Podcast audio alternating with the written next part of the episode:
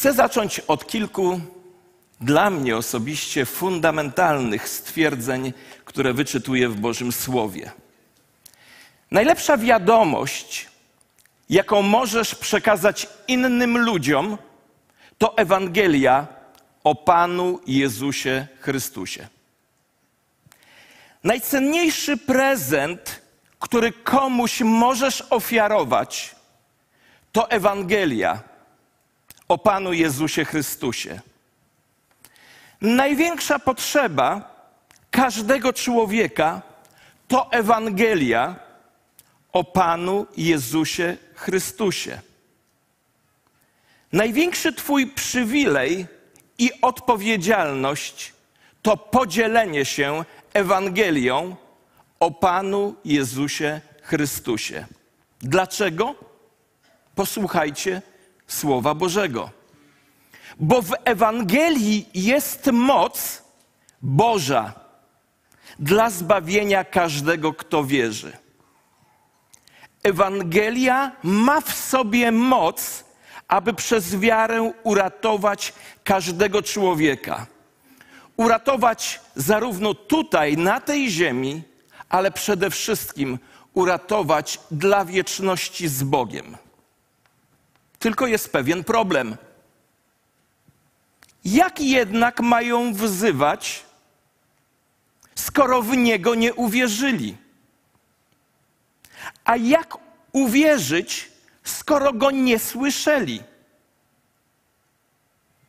Jak usłyszeć bez kogoś, kto głosi? Żeby być zbawionym, uratowanym, do życia wiecznego w niebie, ludzie muszą w Jezusa uwierzyć. Żeby w Jezusa uwierzyć, muszą Jezusa usłyszeć. Do wiary zatem, mówi apostoł Paweł, potrzebne jest przesłanie. A treścią tego przesłania jest to, co mówi Chrystus. Do wiary potrzebne jest przesłanie, a treścią tego przesłania jest to, co mówi Chrystus. Ale jak mają usłyszeć bez kogoś, kto głosi? Pyta apostoł Paweł. Jak mają usłyszeć bez kogoś, kto głosi? Posłuchajcie uważnie.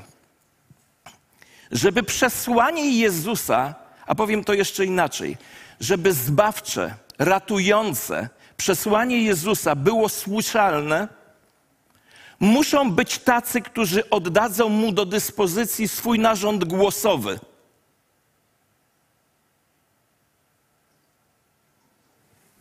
I tacy, którzy zrobią wszystko, by słowa innych głoszących były słyszalne. Żeby przesłanie Jezusa Chrystusa dotarło do innych ludzi, muszą być ludzie, którzy oddadzą swój narząd głosowy, by słowa Jezusa mogły wypłynąć z ich ust. I muszą być też tacy ludzie, którzy sprawią, że słowa innych głoszących będą słyszalne. Przesłanie zatem musi być słyszalne. Słyszycie to? Przesłanie musi być słyszalne. I muszą być ci, kto, którzy będą mówić, a do tego jesteśmy powołani wszyscy. I wszyscy jesteśmy powołani do tego, aby czynić słyszalnymi słowa Boże wypowiadane przez innych ludzi. To jest Twój przywilej, mój przywilej, Twoja odpowiedzialność i moja odpowiedzialność. I teraz zrobimy coś z jednej części tego, co mówiłem, z tej drugiej. Za chwilę poproszę tylko tych z Was, którzy chcą, tylko tych, którzy chcą nie będę prasował, a mógłbym. Pan Bóg Cię widzi i tak dalej. Czy zrobisz, czy nie zrobisz, on cię będzie kochał tak samo. Ale chciałbym Was zachęcić do tego, byśmy w tym momencie zadziałali. Bo powiem Wam, żadne kazanie, zresztą apostoł Jakub to powiedział w piękny sposób, że jeśli przychodzimy i przyjmujemy słowo, a potem go nie stosujemy, to to nie ma żadnego znaczenia. List Jakuba. List Jakuba wyraźnie mówi, że my musimy zrobić z tym, co słyszymy. Więc za chwilę Was zachęcę, żebyśmy zrobili trzy rzeczy, a może cztery, z tym, co teraz słyszymy, że potrzebne są ludzie, którzy, potrzebni są ludzie, którzy użyją swojego narządu mowy do tego, by Ewangelia była przekazana. Ludzie, którzy też uczynią wszystko, aby głos innych był słyszalny, innych zwiastujących. To znaczy, usuwamy przeszkody, o których mówiliśmy tydzień temu. Co możemy w tym momencie zrobić? I wy także przed ekranem. Poproszę pierwszy slajd. Widzicie tutaj YouTube społeczności chrześcijańskiej Północ. Wiecie, na, na YouTubie jest, jest wiele, wiele różnych filmików, informacji. Większa część z nich nie ma aż tak wielkiej wartości, żadna z nich nie ma tak wielkiej wartości jak Ewangelia. Ale jest ich tak dużo, że one przysłaniają, zakrywają słowa Ewangelii. Są tak jakby wysypane na to zwiastowanie Ewangelii. Bo wiecie, nawet chrześcijanie łatwiej udostępniają ulubionych swoich polityków, muzyków, filmy swoje ulubione bardziej niż Ewangelię. Może się wstydzimy. Nie chcę nikogo prasować, ani was przed ekranami, ani was tu na sali. Ale tych z Was, którzy chcą teraz sprawić, że z tego całego YouTube'owego zaśmiecenia, tych różnych i dobrych, i mniej dobrych informacji, ten głos Jezusa bardziej się wydobył, to wyjmij teraz swój telefon. Ale zróbcie to tylko ci, którzy chcecie. Bo pozostali możecie nie robić. Czujcie się wolni. Nie, nie zmuszam nikogo. Nawet okulary zdjąłem, żeby nie widzieć. Lepiej widzę bez okularów. Tak. I Otwórzcie aparat fotograficzny i najedźcie na ten QR kod. I wyświetli Wam się nasza strona. Co możecie teraz zrobić? Wielu z Was jeszcze jej nie zasubskrybowało, nie y, zaprenumerowało, jak to mówiło się wcześniej. Zasubskrybuj naszą stronę, a sprawiasz, że spośród tych wszystkich rzeczy, które są wysypane na naszą transmisję, ona się trochę wydobędzie. Trochę bardziej głos Jezusa będzie słyszalny.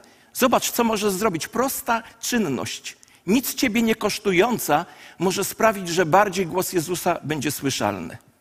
Zrób to teraz. Większość z Was ma Facebooka. Możesz teraz to udostępnić na Facebooka, Twoi znajomi. No, no chyba się nie wstydzisz tego, który Cię uratował. Możesz to zrobić. Zróbcie to przez chwilę. I głos Jezusa będzie bardziej słyszalny. Nie chodzi o mój głos, ja czytam Boże Słowo. Poproszę o drugi slajd. Bo pierwszy to dotyczył typowo naszego kościoła. Drugi slajd to klub filmowy. Zróbcie to samo, najedźcie na ten klub filmowy.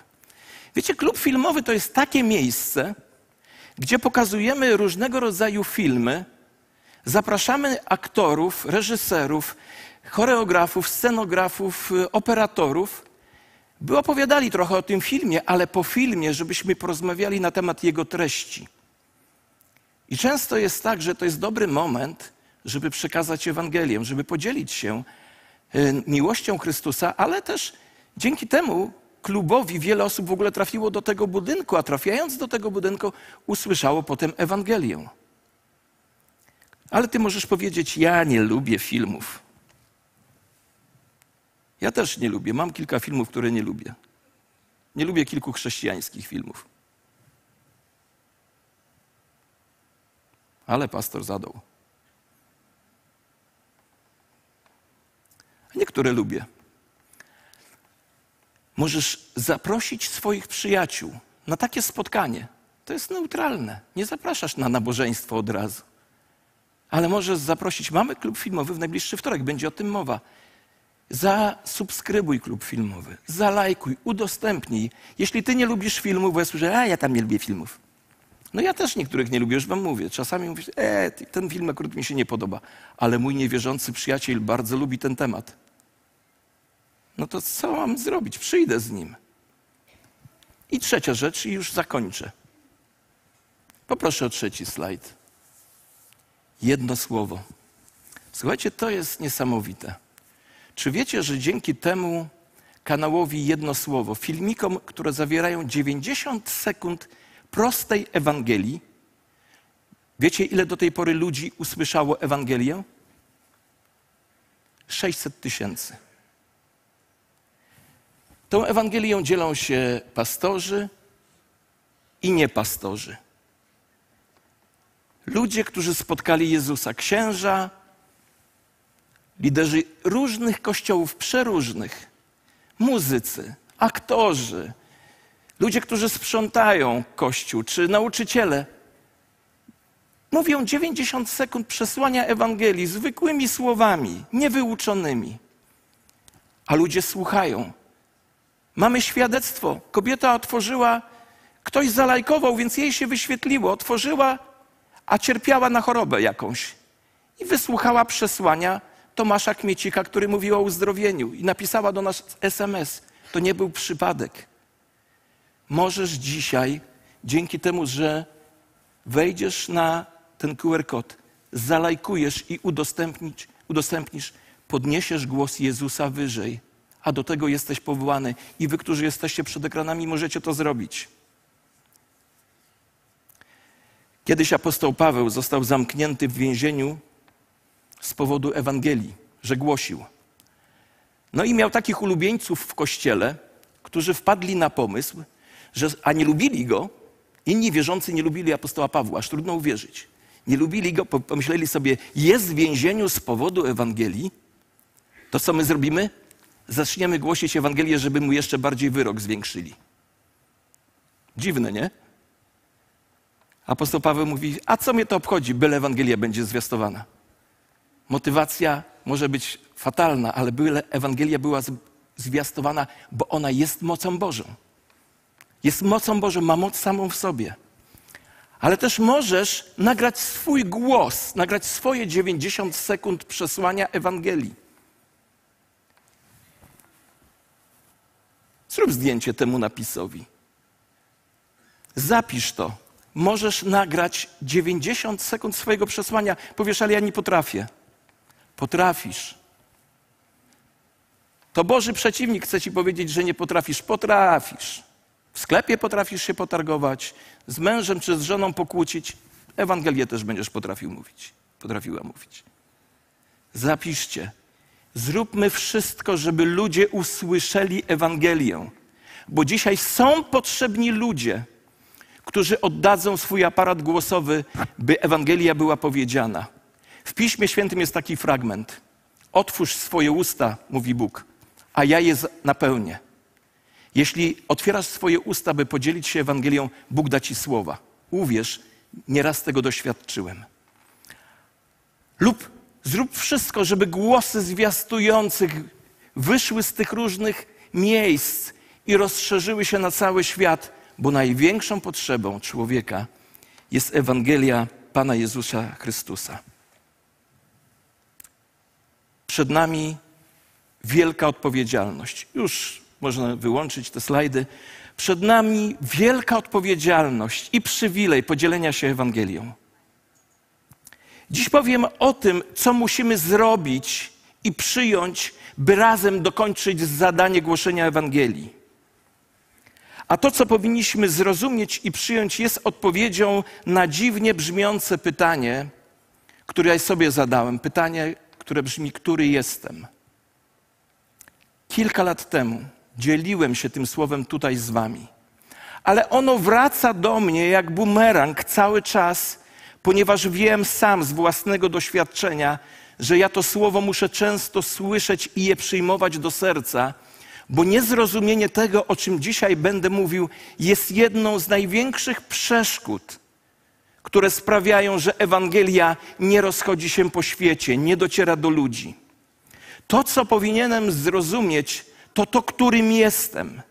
I tak właśnie zatytułowałem dzisiejszy odcinek serii Razem dokończymy zadanie. Zacznę od historii niektórym wam znanej. Ja nie wiem, ile wtedy miałem lat, ale byłem w szkole podstawowej. Mój dziadek i moja babcia mieszkali blisko mnie, około pięciu kilometrów od mojego domu. Byłem więc częstym gościem u mojego dziadka i babci, prawie codziennym. I tak naprawdę ja byłem ich oczkiem w głowie. Kochali mnie, a ja mogłem ich naciągnąć na wszystko. Ale pewnego razu do mojego dziadka i babci wraz ze mną przyjechał ich drugi wnuczek. Mój brat cioteczny, kuzyn o imieniu Wojtek. Bywał u nich bardzo, bardzo rzadko, bo mieszkał daleko. Pojechaliśmy do moich dziadków, a ja czułem, co będzie się działo. Czułem, co będzie się działo. Wiedziałem, że ich uwaga będzie bardziej skoncentrowana na nim niż na mnie. Wiecie, co zrobiłem? Usiadłem w fotelu w rogu pokoju, by mieć dobre baczenie na wszystko, a mój wyraz twarzy, moja postawa, generalnie wszystko we mnie krzyczało: Jestem tutaj i jestem nieszczęśliwy. Czy jest ktoś, kto się mną zajmie? Bo stało się to, czego się najbardziej obawiałem. Ja przyjeżdżający codziennie do dziadków, naciągający ich na wszystko. Mój dziadek mi płacił za kilogram, jak przybyłem na wadze, dzisiaj bym narobił pieniędzy na tym, pięć złotych. Pięć złotych mi płacił za piątkę. Na ocenach nigdy go nie naciągnąłem ale na wadze. Stało się to, czego się obawiałem. Wojtek był w centrum, a ja nic nie zjadłem. A wiecie, co moja babcia przygotowała? Mieszankę wedlowską. Kto pamięta mieszankę wedlowską? Da, dawny 22 lipca. To taki żart. Jakie cukierki są najlepsze, były najlepsze w mieszance wedlowskiej? Głośniej. I i pieroty. U mojej babci mieszanka wedlowska składała się z bajecznych i pierotów. Moje ulubione cukierki. Wędliny, soki, cały stół obstawiony. A ja niczego się nie napiłem, nie zjadłem, nie śmiałem się wraz z nimi, nie cieszyłem się, wyglądałem jak siódme nieszczęście.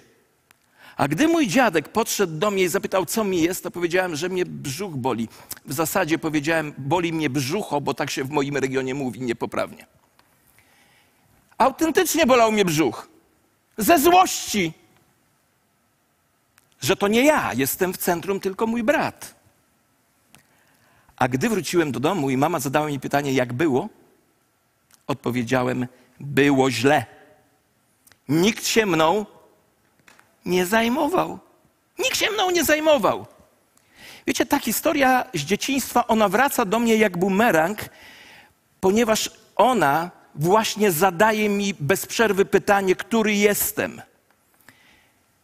A teraz trzy historie z Ewangelii. Ewangelia Łukasza, 15 rozdział, pierwszy wiersz do 32.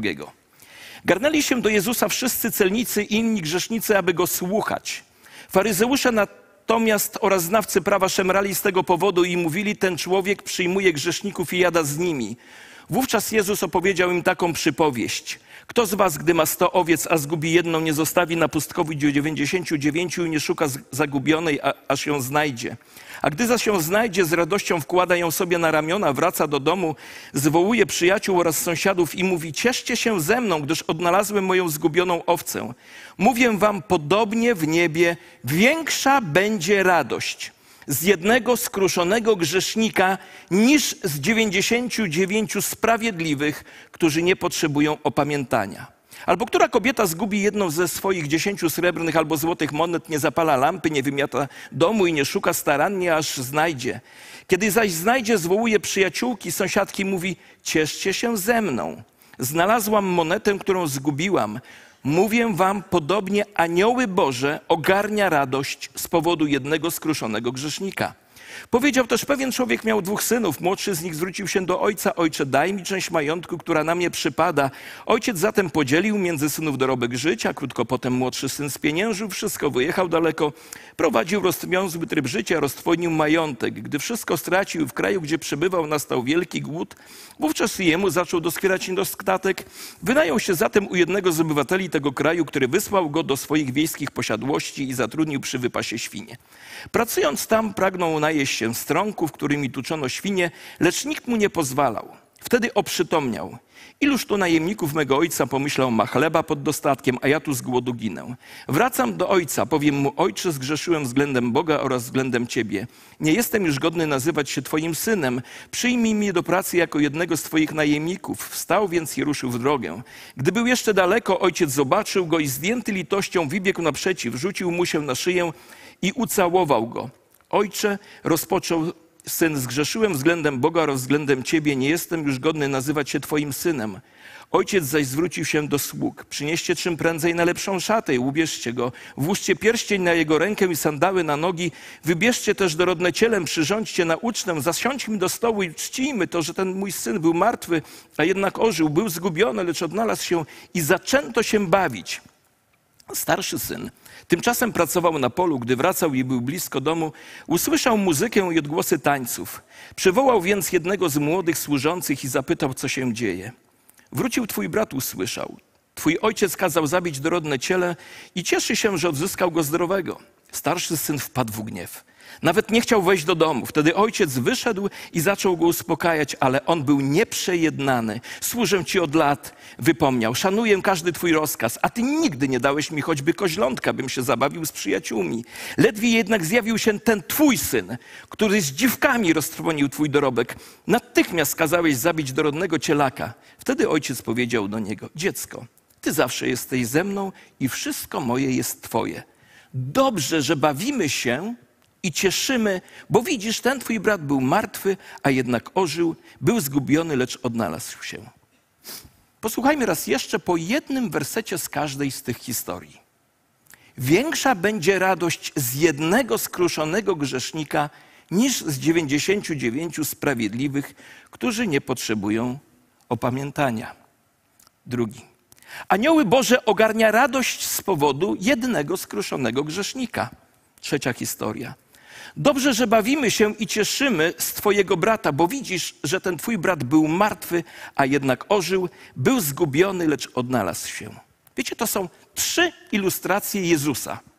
Czego On, Jezus, którego my wierzący w Niego traktujemy jako pierwszego w naszym życiu, pierwszego na miejscu naszego życia, chce nas dzisiaj nauczyć. Myślę, że pierwszy chce nas nauczyć że jest pierwszym w naszym życiu. Że chce być pierwszym w naszym życiu.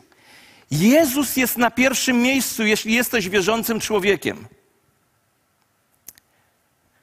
Kto się z was, z was z tym zgadza, że Jezus powinien być na pierwszym miejscu, jeśli jesteś wierzącym? Dziękuję bardzo. Zanim zobaczymy, co jest na pierwszym miejscu w sercu pierwszego, to jedna ważna myśl płynąca z reakcji religijnych ludzi na fakt, że garnęli się do Jezusa wszyscy celnicy i inni grzesznicy, aby go słuchać. Faryzeusze oraz znawcy prawa szemrali z tego powodu i mówili: Ten człowiek przyjmuje grzeszników i jada z nimi. Wiecie, komentatorzy biblijni mówią, że przyczyną szemrania religijnych ludzi była ich obawa, że jeśli wchodzisz w reakcję z ludźmi, którzy nie znają Boga, którzy są traktowani jak grzesznicy, to staniesz się taki jak oni. I powiem Wam szczerze, że jest w tym myśleniu dużo prawdy. Sam apostoł Paweł w liście do Koryntian powiedział, że złe towarzystwo psuje dobre obyczaje. Prawda jest taka, że nie powinieneś wchodzić w relację z niewłaściwymi, z niewłaściwymi ludźmi z niewłaściwych powodów, bez żadnego wyższego celu. Błędem jest myślenie, że to nie będzie miało wpływu negatywnego na ciebie, bo bezmyślne czyli nieposiadające żadnych wyższych celów, relacje z niewłaściwymi ludźmi, z ludźmi, którzy żyją nie po Bożemu, będzie miało to na ciebie zły wpływ. Ale jeśli wchodzisz z nimi w relacje, a do tego jesteś powołany, by okazać im Bożą miłość, być narzędziem Chrystusa do odnalezienia ich i do doprowadzenia do relacji z, Bożym, z Bogiem, to Boży wpływ przez Ciebie ochroni Ciebie przed niewłaściwym ich wpływem na Ciebie. A dlaczego? Skąd to wiem? Bo ten, który jest w nas, jest większy od tego, który jest na świecie. Ten, który jest w nas, ma potężniejszą mo moc. Przeraża mnie często używany przez wierzących argument na, nie, na nieangażowanie się w życie niewierzących ludzi, czy na nieangażowanie ich w życie Kościoła, bo oni negatywnie na nas wpłyną. Jak to się ma do tej prawdy, że ten, który jest w nas, jest większy od tego, który jest na świecie? Jak to ma się do modlitwy Jezusa, który modlił się, Boże, nie proszę o to, żebyś ich zabrał z tego świata, ale proszę o to, byś zachował ich od złego. Osobiście głęboko wierzę, że jeśli z właściwej motywacji, czyli z głębokiego pragnienia zbawienia drugiego człowieka, niewierzącego człowieka, bezbożnego człowieka, wchodzisz w nim w relacje, angażujesz się w ich życie, angażujemy ich w życie Kościoła, to wówczas ten Duch Święty, który mieszka w nas i ta modlitwa Jezusa chroni nas i Kościół od ich złego wpływu, potęgując nasz dobry wpływ na nich, bo Bóg daje nam zawsze zwycięstwo w Chrystusie Jezusie. Kiedy Jezus usiadł w domu celnika Zacheusza i roztoczyła się jego obecność, to ten grzesznik, upodlony, zdrajca swojego narodu, powiedział: Panie, połowę swojego majątku oddaję ubogim. A jeśli kogoś skrzywdziłem, oddam wielokroć. Bo tak działa obecność Jezusa, jeśli jest właściwa motywacja. Takie jest moje przekonanie.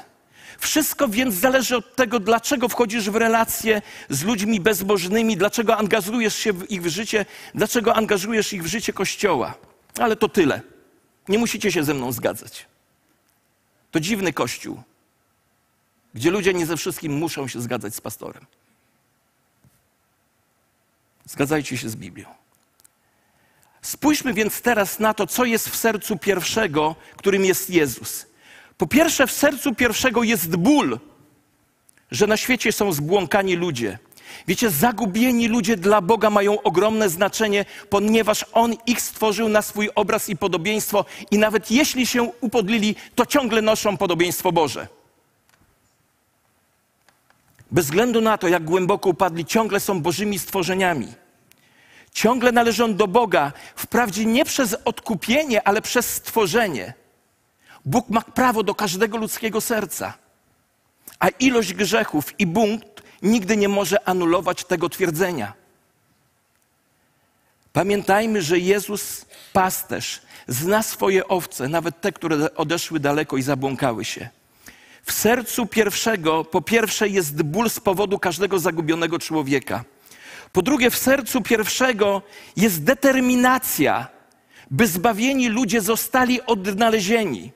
Wiecie, z ekonomicznego punktu widzenia historia o jednej zagubionej owcy na tle setki czy 99 pozostałych wydaje się niepoważna. Przecież z ekonomicznego punktu widzenia można było ją zaksięgować po stronie strat i tyle. I cieszyć się 99 i dalej prowadzić działalność. Ale kiedyś już to mówiłem nam tutaj. Taki przykład militarny. Wiecie, nieraz tego nie rozumiałem. Oglądając filmy dokumentalne o wojnie, na przykład oglądałem film, gdy pewien żołnierz dostał się do niewoli. Co robił wówczas dowódca? Często wy, wysyłał całą grupę ludzi i szedł razem z nimi, by tego jednego żołnierza wyciągnąć z niewoli. Często po drodze jeszcze kilku ratowników ginęło. I mówiłem sobie, po co ta strata? Przecież to tylko jeden. Aż dotarło do mnie, jaki jest to sygnał do tych pozostałych żołnierzy, którzy zostali w okopach, którzy walczą. Wiecie, jaki to był dla nich sygnał? Jeśli my kiedyś trafimy do niewoli, to nasz dowódca i nasi przyjaciele zrobią wszystko, żeby nas uratować. To podnosi morale. Jezus chciał nam podnieść morale, że jeśli upadniesz, odejdziesz, będą ludzie, którzy pójdą cię ratować, bez względu na koszty. Nawet koszt własnego życia, bo my powinniśmy, jak dzisiaj czytałem w Bożym Słowie, czy wczoraj, oddawać życie za braci. To mocny sygnał. To podnosi morale. W sercu pierwszego jest więc po pierwsze ból z każdego zagubionego człowieka. Po drugie, w sercu pierwszego jest determinacja, by zgubieni ludzie zostali odnalezieni. Po trzecie, w sercu pierwszego jest pragnienie, by ktoś poszedł po zgubionych ludzi. Ludzie nie trafią do domu z powrotem na własną rękę. Ktoś musi iść po zgubioną owcę, przynieść ją z powrotem. Ktoś musi opuścić komfort stada. Zawsze znajdą się powody, żeby pozostać wśród odnalezionych. Ale jeśli każdy pozostaje wśród odnalezionych i nikt nie idzie, to zagubieni nie zostaną odnalezieni. Wiecie, ja w tym wszystkim odkrywam niezwykłą cechę charakteru Pana Boga. Niezwykłą cechę. Ogrom Bożego współczucia dla każdego zagubionego. Podsumujmy, co do tej pory zostało powiedziane. Jezus jest pierwszy a w jego sercu jest ból z powodu każdego zgubionego człowieka. Jest determinacja, by każdy został odnaleziony i pragnienie, by ktoś w jego imieniu poszedł. A w zasadzie jest pragnienie, by wszyscy uratowani w jego imieniu szli i ratowali innych. Zadam wam w tym momencie pytanie. Skoro Jezus w tych historiach jest pierwszy, kto w, kto w świetle tego, co do tej pory powiedziałem, jest drugi w tej historii? Jeśli nie wiecie, to ja odpowiem. Zgubieni ludzie są drudzy. Zgubieni ludzi są drudzy, to jest owca, moneta, człowiek. Jezus pierwszy, zgubiony drugi. A w takim razie kto jest trzeci? Zaproponuję odpowiedź. Na trzecim miejscu są ci, którzy wcześniej zostali znalezieni, którzy wcześniej zostali uratowani. Kto z Was został wcześniej znaleziony i uratowany? Większość z nas. Ja też. Chcę Ci powiedzieć, czy ci się to podoba, czy nie podoba, jesteś trzeci. Ja jestem trzeci. Pierwszy Jezus, drugi ten, kto jest zgubiony, trzeci jestem ja i ty. I jeśli tego właściwie nie pojmiemy, to pojawia się ból i zachowujemy się jak mały, nieszczęśliwy Krzysio, który cierpi i ostentacyjnie wyraża swoje nieszczęście z powodu braku głównego skoncentrowania na nim. Jest nawet wszystkim w stanie ogłosić, że w tej rodzinie się źle dzieje, bo nie jest tak, jakby on chciał. Bo za dużo koncentrujemy się tych, na tych poza rodziną, albo na tych, co dopiero przed chwilą przyjechali, bo na przykład na wschodzie coś się dzieje.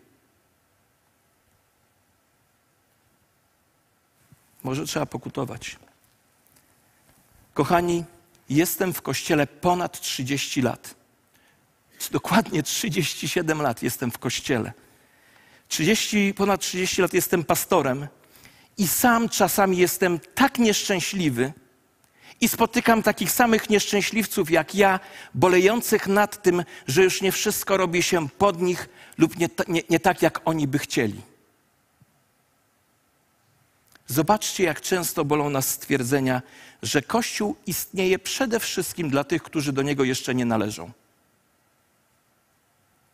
a już hasło budujemy kościół skierowany do niewierzących, to w uszach wielu ludzi brzmi jak obraza. Kochani trzeci, chcę Wam i sobie, bo też jestem trzeci, coś powiedzieć. Po pierwsze, nie zapominaj, że pierwszy poświęcił całe swoje pierwszeństwo, żeby Ciebie odnaleźć. On, chociaż istniał w tej postaci co Bóg, nie dbał wyłącznie o to, aby być mu równym. Przeciwnie, wyrzekł się siebie, przyjął rolę sługi, był jak inni ludzie. A gdy już stał się człowiekiem, uniżył się tak dalece, że był posłuszny nawet w obliczu śmierci i to śmierci na krzyżu. Po pierwsze, nie zapominaj, że pierwszy poświęcił całe swoje pierwszeństwo, żeby Ciebie odnaleźć. Nie zapominaj też o tym, że kiedyś byłeś drugi. Nie zapominaj też, że całe niebo radowało się z Twojego powodu i ciągle się raduje. On pierwszy stał się ostatni, byś Ty zagubiony wrócił do domu. Czy dzisiaj jesteś gotowy stać się trzecim, by ci, którzy są zagubieni, tak jak Ty kiedyś byłeś, także wrócili do domu? Tragedią naszą jest to, że często nie podzielamy tej Bożej determinacji w szukaniu zgubionych. Tragedią jest to, że będąc odnalezionymi, chcemy, by cała uwaga była ciągle skoncentrowana na nas. Ciągle skąd. Myślicie, że ja tego nie mam? Jadę na konferencję, słucham mówców, mówię, a mnie nie zaprosili, ja nie mówię. Powiedziałbym to lepiej. Myślicie, że mi się to nie zdarza? Zdarza mi się. Takie myślenie mi się zdarza. I nie z powodu, że jestem lepszy, żeby na mnie zwrócili uwagę. A odkryłem jeszcze jedną rzecz. Że gdy ciągle chcemy tego skupienia na nas, to wcale nas to nie czyni szczęśliwymi. Wręcz przeciwnie, czyni nas to bardziej głodnymi i żądnymi większej koncentracji na nas.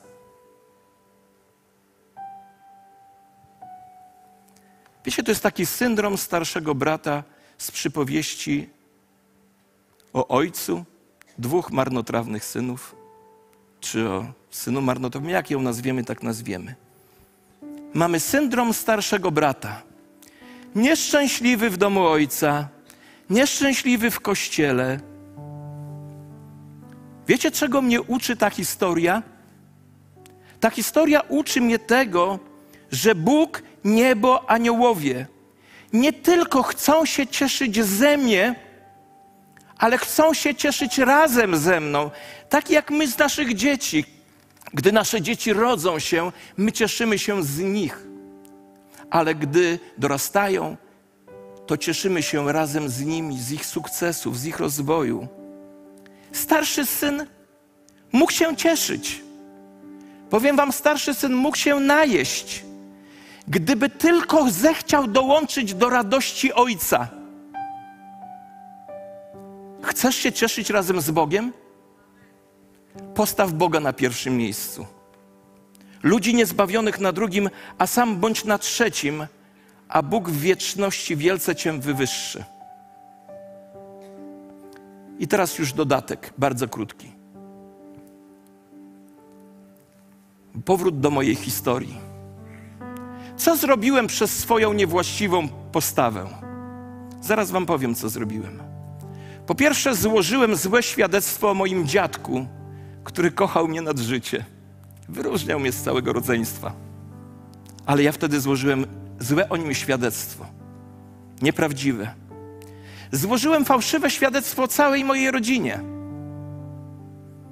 Straciłem okazję, by lepiej poznać mojego brata.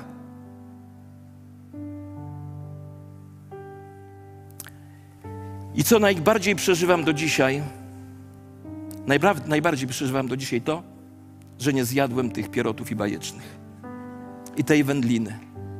Słuchajcie, mogłem z tego wszystkiego skorzystać. Mogłem mieć to samo, co on, gdybym tylko chciał się przyłączyć do radości rodziny.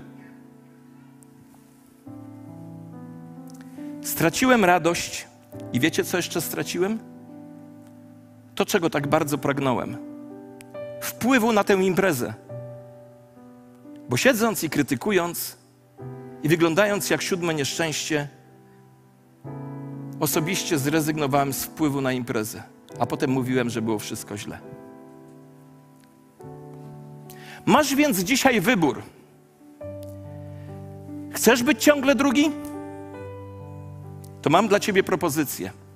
Zbierz adresy wszystkich kościołów w Warszawie, a jest już ich dużo, razem z ukraińskimi, rosyjskojęzycznymi, białoruskimi, to już ze 150, a może pod 200 i zmieniaj je, co tak, teraz to już możesz nawet co miesiąc. Pójdź, przez miesiąc wszyscy będą skoncentrowani na tobie, a potem jak już, to idź do następnego. A jak umrzesz, to zrobisz światu przysługę. Lub dołącz do ludzi Jezusa i razem dokończmy zadanie dzielenia się Ewangelią. Chcę Ci dzisiaj powiedzieć, zejdź o jeden stopień z pudła. Jezus pierwszy, niezbawieni na drugim miejscu. Nic tam to nie umniejsza, a my na trzecim. To nasze zejście jest świadectwem wiary w to, że tamten, najwyższy, zszedł z takiej wysokości, żeby Ciebie i mnie zbawić, że cóż jest taki jeden stopień niżej. Przyłączmy się więc do ludzi Jezusa. Zejdźmy z pudła o jeden stopień niżej i razem dokończmy zadanie. Panie Boże, dziękujemy Ci, że jesteś dobrym Bogiem, że jesteś wspaniałym królem. Dziękujemy Ci, że zszedłeś z tronu, by przyjść do nas i nas zbawić. A dziś wzywasz nas do tego, żebyśmy jeden stopień niżej zeszli, by ci, którzy Ciebie nie znają, mogli dotrzeć do domu Ojca i cieszyć się życiem wiecznym i radością nieba. Uczyń nas takimi ludźmi, Panie. Amen.